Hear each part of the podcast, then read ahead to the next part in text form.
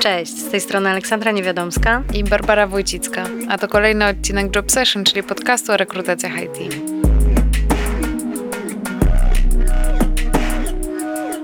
Cześć. Cześć. Y, spotkamy się dzisiaj w trochę większym gronie. Y, naszym gościem jest Paweł Stefański. Y, Paweł ma 12 lat doświadczenia już takiego komercyjnego z JavaScriptem. Pracował zarówno w mniejszych, jak i większych organizacjach. Przechodził też przez różne stanowiska od juniora przez MIDA, seniora, head of frontend systems i tak dalej. Paweł pracował też w mniejszych korporacjach, e, znaczy w mniejszych firmach i w większych korporacjach. E, tam też między innymi zajmował się rekrutacją do swojego e, zespołu. I fajnie było, gdybyś nam opowiedział też kilka słów o tym, czym się aktualnie zajmujesz. Cześć, witajcie. Mm, czym się zajmuję? Powiedziałbym, że szeroko pojętym JavaScriptem, ponieważ jakby typowo zawodowo zajmuję się frontendem Aczkolwiek yy, działam też na powiedzmy rynku open source. Mam jeden swój taki mały projekt, yy, który jest skierowany właśnie do programistów, z którego można korzystać. Yy, robię gdzieś tam też jakieś własne startupy z większym lub mniejszym sukcesem. W swojej obecnej pracy jestem team leadem frontendów. Super. Czyli jesteś tak naprawdę ekspertem i odpowiednią osobą na odpowiednim miejscu, bo dzisiaj będziemy rozmawiać o tym, e, dokąd zmierza frontend. Tak, czyli co czeka y, te technologie, czy ten skrawek IT e, w najbliższej przyszłości. Więc no, pierwsze pytanie, takie jak temat kierujemy do ciebie, czyli dokąd Pawle zmierza mm, frontend w dzisiejszych czasach? To jest dosyć, dosyć szerokie pytanie, bo w dzisiejszych czasach tak naprawdę JavaScriptu możemy użyć w zasadzie w każdej dziedzinie programowania, jaką sobie możemy wymyśleć. Czyli zarówno możemy e, robić aplikacje webowe, tak jak było to przez wiele, wiele lat wcześniej. E, możemy pisać tak naprawdę backend, czyli mhm. mamy już jakby dwa aspekty, czyli mamy frontend i backend. Dochodzą do tego teraz aplikacje mobilne, e, dochodzą też aplikacje desktopowe na komputery. Również możemy programować urządzenia tak naprawdę, czyli tak zwane programowanie embedded. Mhm. Więc tak naprawdę JavaScript w tym momencie jest już chyba dostępny wszędzie, gdzie można coś zaprogramować. Jasne. A są przewidziane jakieś w takim razie kolejne obszary, czy raczej przyszłość pokazuje, że będzie się rozwijał i będzie wykorzystywany do konkretnych tych obszarów. Pytam też pod kątem po prostu tych nowych technologii i tego, co y, niesie y, rozwój sztucznej inteligencji i, i narzędzi takich zautomatyzowanych. Tak, to jak najbardziej. Tutaj przy akurat sztucznej inteligencji, czyli w zasadzie uczeniu maszynowym, też możemy to robić tak naprawdę w JavaScriptie, chociaż mówi się, że to e, jest chyba działka taka Pythonowa, mhm. ale też w zasadzie mamy wszystkie możliwości, żeby napisać sobie cokolwiek, co dotyka uczenia maszynowego właśnie w JavaScriptie. E... Czyli e, frontend developer, który ma doświadczenie, chociaż też mówisz, że do, wykorzystujemy do backendu, więc zakładam, że też, e, może e, łatwo przekwalifikować się na specjalistę od nauczania maszynowego. No, czy łatwo, to może niekoniecznie, na pewno jest mu łatwiej mhm. zmienić na przykład branżę, jeżeli jeżeli będzie miał taką wolę, no bo też inne mamy wymagania do pracy na przykład z backendem, a inne wymagania do pracy z frontendem, czyli w zasadzie z przeglądarką, tak? Ale cały czas będzie pracował z JavaScriptem. Cały czas będzie składnia ta sama, więc wszystkie dobre praktyki, jakie do tej pory się nauczył w JavaScriptie i co gdzieś tam po drodze się przewinęło, czego się nauczył właśnie w JavaScriptie czy w TypeScriptie, bo mhm. w zasadzie teraz e, myślę, że każdy poważny projekt e, korzysta jednak z TypeScripta. Mhm. No tak, no to jakby wszystkie te kompetencje tak naprawdę przechodzą między wszystkimi platformami, tylko oczywiście one się różnią na przykład tym, że na frontendzie nie korzystamy w ogóle z baz danych, a na backendzie potrzebujemy się komunikować na przykład z bazą danych. Okej, okay. no to ciekawe, bo mi rzeczywiście ten ML kojarzył się głównie z Pythonem, z Java nawet, ale e, JavaScript tak mi się e, bardzo z tym nie kojarzył, więc to jest dobra wiadomość, bo obserwujemy na rynku e, taką zwiększoną aktywność frontend deweloperów, którzy właśnie zmieniają pracę, poszukują pracy mm, i też obserwowane jest w ostatnim czasie trochę odchodzenie od Reacta. Czy rzeczywiście tak jest? Mm, czy jest odejście od Reacta? Nie wiem, nie, nie wydaje mi się. raczej Czy jest bardzo dużo kontrowersji na temat. e, No. Nie, nie samo odejście, w sensie odejście od technologii, tylko że programiści zaczynają szukać e, innej specjalizacji, bo rzeczywiście jest przesyt e, na rynku i pojawiały się takie też rozmowy w, na forach, że może warto wrócić, w cudzysłowie odkopać tę wiedzę z Angulara, bo on może teraz być bardziej atrakcyjny na rynku pracy. Mm, No jasne. E, ciężko tak naprawdę nam wymyślić tutaj jakąś odpowiedź. Mhm. E, natomiast jest dostępny w internecie taki raport State of JS, Mhm. e, który, na który możemy się oprzeć.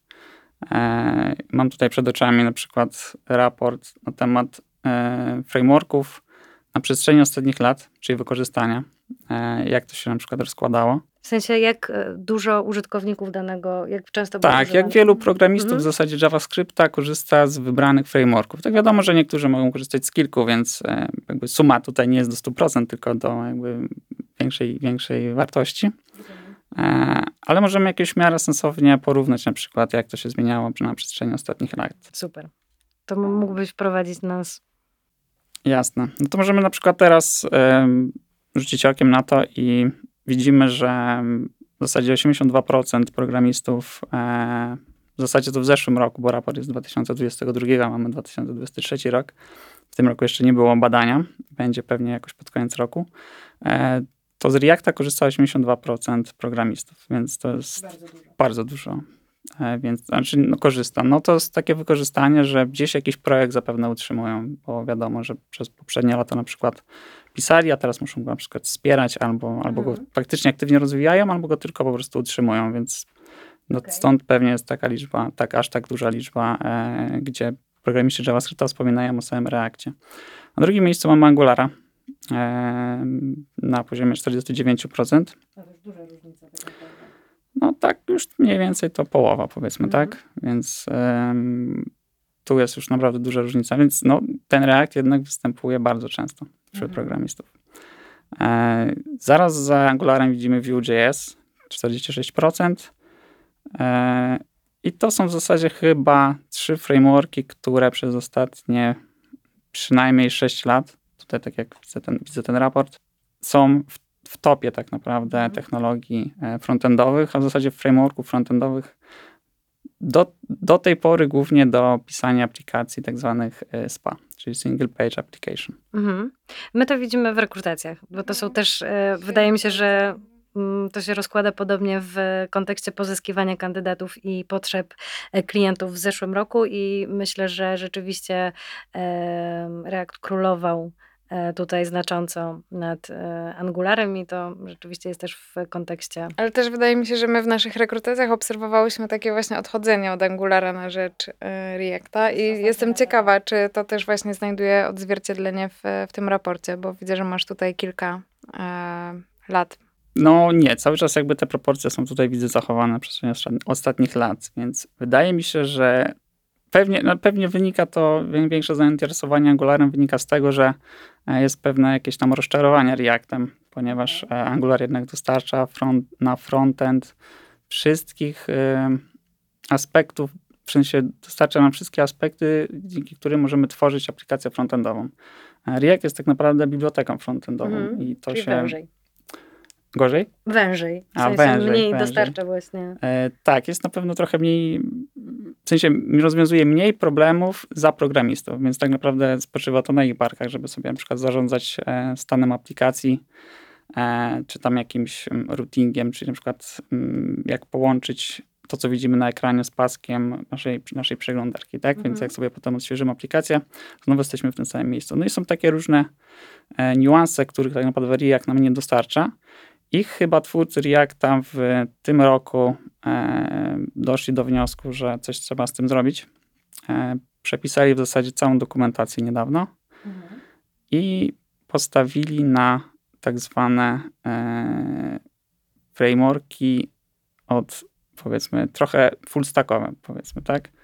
Czyli tak naprawdę frameworki, które są nadbudowane na, na Reactie, czyli obudowują nam Reacta i dostarczają trochę tych brakujących funkcjonalności, plus właśnie takie trochę technologie backendowe. Dzięki czemu taki programista może stać się e, no, full stackiem. Tak w zasadzie przed czasem Reacta i Angulara tak się pisało aplikację, że programista, który tworzył stronę internetową, był full stackiem, był tak zwanym po prostu web developerem. Tak. Pisał w jakimś PHP i robił zarówno frontend, jak i backend. No i Mhm. teraz w ostatnich latach zdecydowanie widać, że jest mocny nacisk na powrót do takiego tematu full stacka. Bo ty też pracujesz e, z backendowymi e, tematami, prawda? Więc uważasz, że Pracuję, jesteś full stackiem? Tak.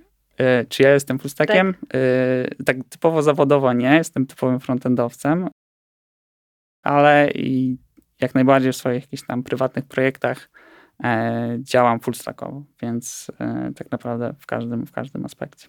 Rozumiem.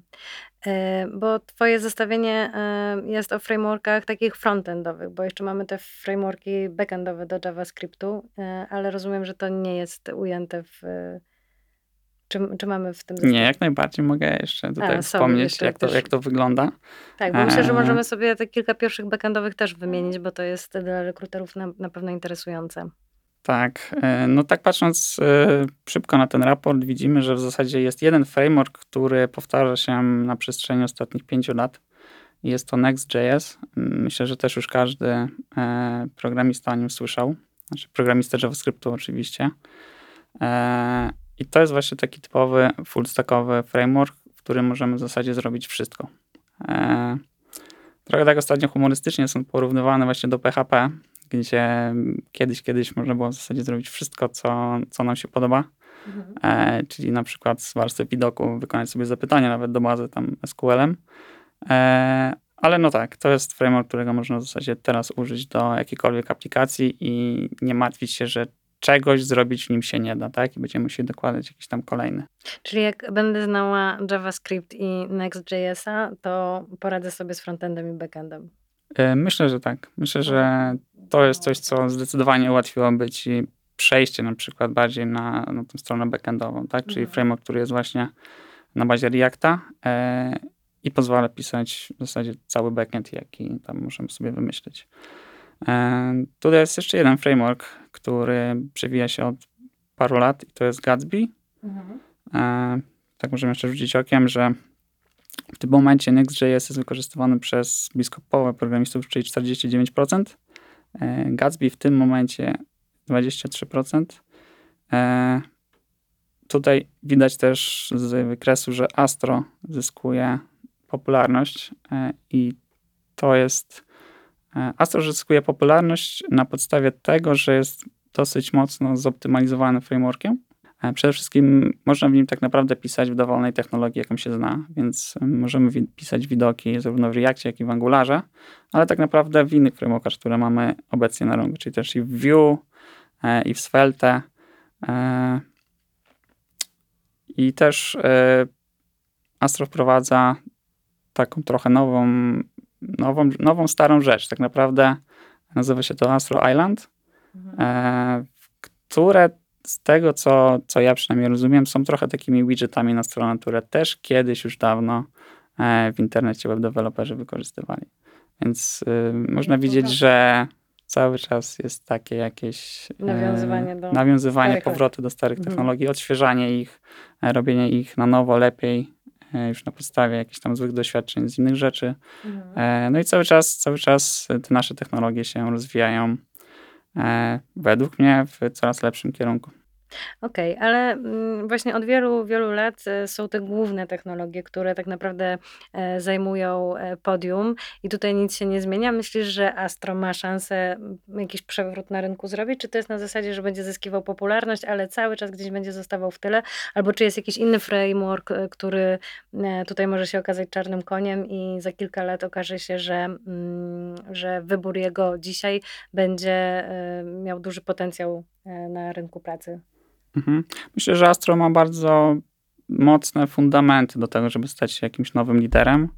E, Te właśnie raporty na podstawie tych dwóch lat, odkąd w zasadzie tutaj się przewija ten framework w, w raporcie State of JS, e, pokazują bardzo duży wzrost względem zeszłego roku. E, Więc myślę, że spokojnie w tym roku też będzie podobny wzrost, czyli jakieś kolejne 6%. E, I tak, myślę, że to jest, to jest ciekawa alternatywa do Next.jsa w tej chwili. A mnie zastanawia, e, kto dyktuje popularność? Programiści, czy jednak e, organizacje, czy projekty, które się tworzą? Ja- Jak to jest? E, Kto, co, co jest pierwsze? Myślę, że pierwsze jest to, że coś jest lepsze od e, tego, co mamy obecnie na I rynku. to zauważają programiści. Jak najbardziej. To programiści mogą... podążają właśnie za tym, co im ułatwia pracę. Generalnie w ogóle całe programowanie, w mojej opinii, cały czas podąża za tym, żeby było prostsze. Mhm. E, Problemy często zostają te same, ale rozwiązania są na przykład bardziej już je- ujednolicone. E, I generalnie całe programowanie staje się prostsze, czyli tworzenie stron internetowych na przykład.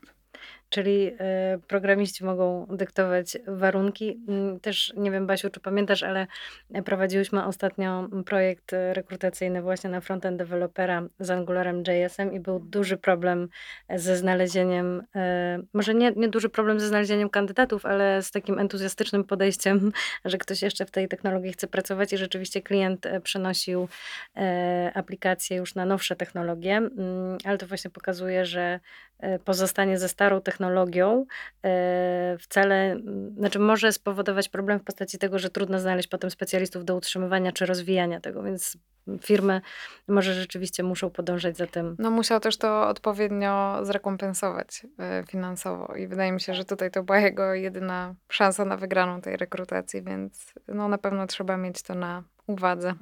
No tak, trochę tak jest, że programiści raczej nie lubią, zwłaszcza w JavaScriptie, ponieważ ten nasz świat się bardzo szybko zmienia, to w zasadzie z roku na rok.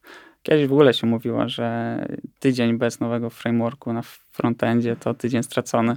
Potem trochę to przystopowało, właśnie powstała ta, ta, ta wielka trójca i teraz właśnie widzimy trochę wysyp tych frameworków, o których wspominałem, takich full stackowych. Okej, ale jak to działa, tak z perspektywy rekrutera, który będzie poszukiwał e, na przykład z, z rzadszymi frameworkami e, kandydatów? E, to są e, frameworki na tyle do siebie podobne, że łatwo się wdrożyć e, jakoś krzyżowo, czy jak ktoś pracuje od wielu lat e, w Angularze, to żeby przejść na projekt z Reactem potrzebuje jednak od podstaw się tego nauczyć i, i to jest czasochłonne? No niestety przejście tutaj, te, te, przynajmniej tak mi się wydaje, przejście z Reacta do Angulara to, jest, to są dwa światy. No, tak jak wspominałem, React nie dostarcza nam wszystkiego w tym momencie, co jest niezbędne, więc każdy tak naprawdę projekt, nawet w Reactie, może się od siebie tak różnić, że programiści mogą nie chcieć w nim pracować. Mimo tego, że pracują w Reactie i są, są fanami, tak? Eee, tutaj możemy, nie wiem, mieć style jakby CSS e, pisane w innych technologiach. E, Zarządzanie stanem może być właśnie w innych technologiach i te staki technologiczne pod Reacta potrafią się naprawdę bardzo, bardzo różnić, poza tym, że jedynym wspólnym punktem jest właśnie ten React. Z Angularem jest trochę inaczej. On właśnie jest bardziej jakby mm, twórcy Angulara dostarczają nam w zasadzie komplet rozwiązań, jakie są nam potrzebne do, do stworzenia aplikacji, więc no tutaj już widać, że jakby między samym Reactem może być problem, żeby programista chciał Mhm. pracować w jakimś e, innym projekcie. E, O tyle taki sam, a w zasadzie większy problem może być między Reactem a Angularem, gdzie podejścia są zupełnie inne. Rozumiem. E, Czyli trzeba obrać już jakąś ścieżkę na początku kariery albo uczyć się kilku frameworków naraz? Co, co w. e, Nie, nie wydaje mi się, że w sensie podstawą, tak czy siak wszystkich tych naszych frameworków frontendowych jest JavaScript i, i API, jakie dostarcza nam przeglądarka, żeby się z nią jakby komunikować, tak, e, na poziomie tym programistycznym. Więc wydaje mi się, że podstawą jest przede wszystkim znanie, znanie tej technologii podstawowej, na bazie której wszystkie te frameworki powstały. Jeżeli znamy właśnie podstawy JavaScriptu, czy w zasadzie cały JavaScript, no bo jesteśmy w stanie się tego Mhm. nauczyć, e, no to jest nam dużo łatwiej też e, jakby robić te migracje między frameworkami, czy nawet nie bać się tego, że pojawi się nowy framework i nagle nie będziemy w stanie w nim pracować. Ale no też, e, też znam takie historie, gdzie mówi się o programistach, że są na przykład programistami Reacta, a nie są programistami JavaScriptu. Mhm. Czyli znają tak naprawdę API, to które dostarcza React, ale kompletnie nie znają na przykład API, które dostarcza nam przeglądarka. Okej. E, Wtedy to są przydatni tylko w projektach, gdzie pracuje się e, z Reactem. W zasadzie tak. I, I często jakieś problemy, które się pojawiają, które są właśnie na styku Reacta z samą przeglądarką, no są dla nich e, nie do przeskoczenia. Okej, czyli Potrzebują ty wsparcia. zalecasz kolejność pewnie HTML, CSS, JavaScript i potem frameworki. E, No tak, tak. Znaczy, no, ja przede wszystkim zalecam to, żeby, żeby uczyć się JavaScripta. HTML i CSS nie są aż tak wymagające. Mhm. Znaczy jak ktoś wchodzi tak Eee. zupełnie mm, Od zera. od zera, Od zera. To, to nie jest tak, takie must have y, juniora? HTML i CSS? Mhm.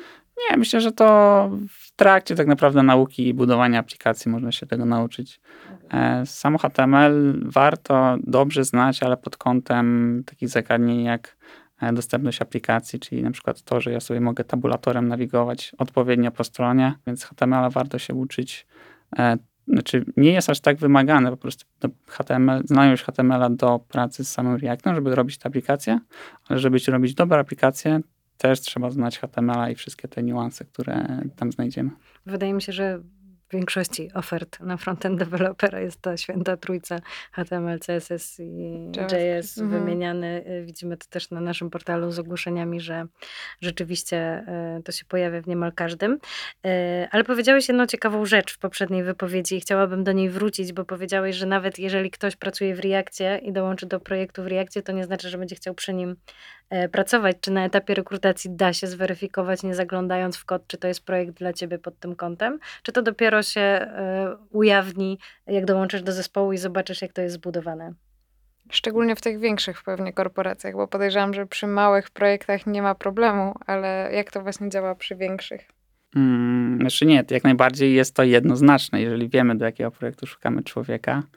E, I jeżeli ten projekt już istnieje, no to bardzo łatwo jest nam wylistować technologie, które w nim są, więc Nie, to e, znaczy ja nawiązuję do tego, żeby powiedziałeś, że kandydat, który pracuje w Reakcie, e, trudno jest mu się przenieść na Angulara, ale też nie znaczy, że się odnajdzie w projekcie z Reactem, bo to jeszcze może być zupełnie różne od tego, w czym on pracował.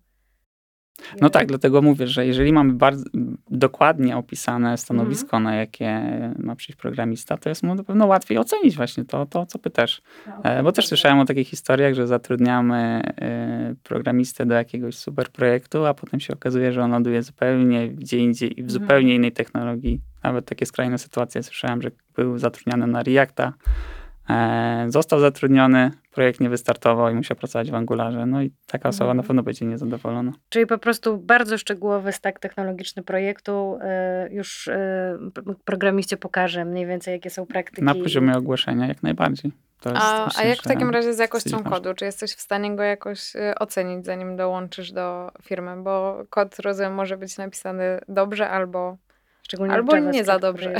Bardzo elastyczny. No to właśnie też mogłoby wynikać e, ze szczegółowości opisu e, projektu, do którego jesteśmy rekrutowani jako programiści, bo jeżeli nie ma tam słowa na przykład o, tych, o tym, że są jakieś testy jednostkowe, e, czy słowa na przykład o ESLincie, czy nawet nie ma TypeScripta, to Mhm. ja osobiście na przykład nie, nie chciałbym chyba iść do projektu, w którym nie ma TypeScripta tak naprawdę.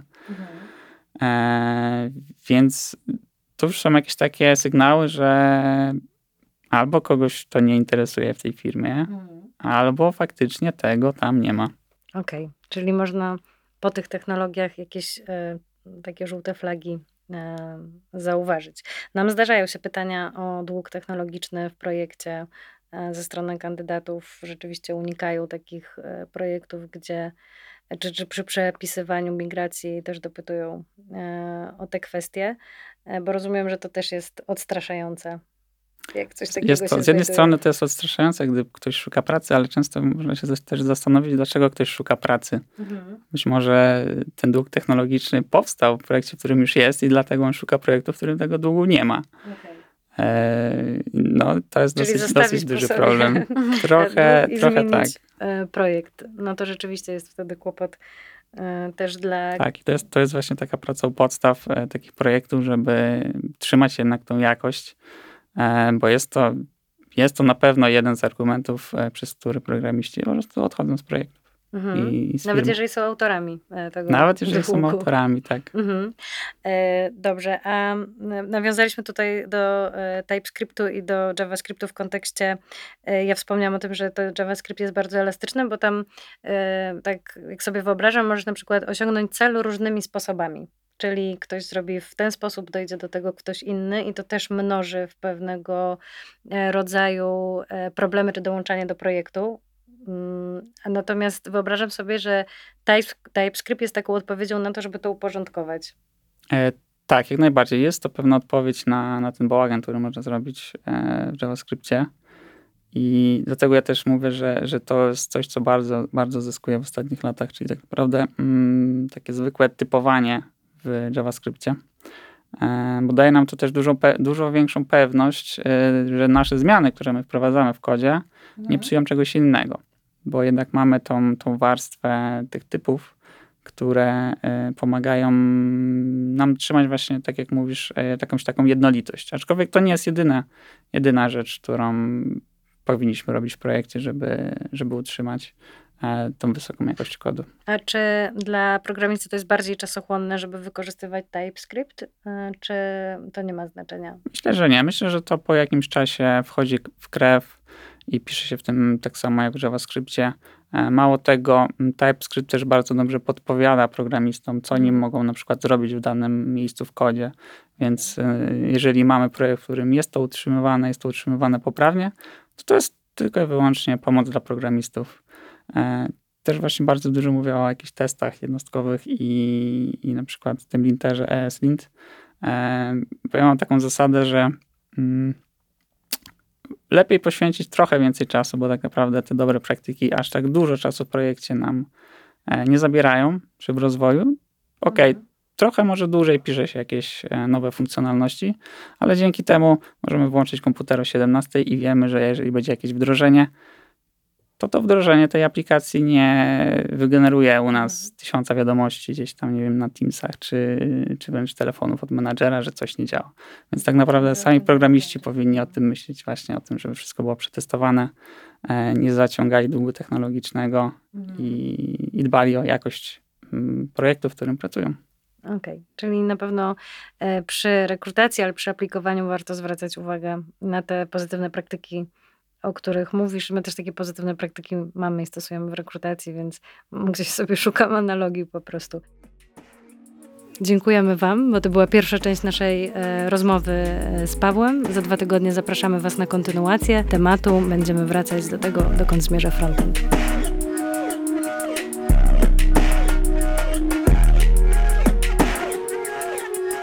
Job session.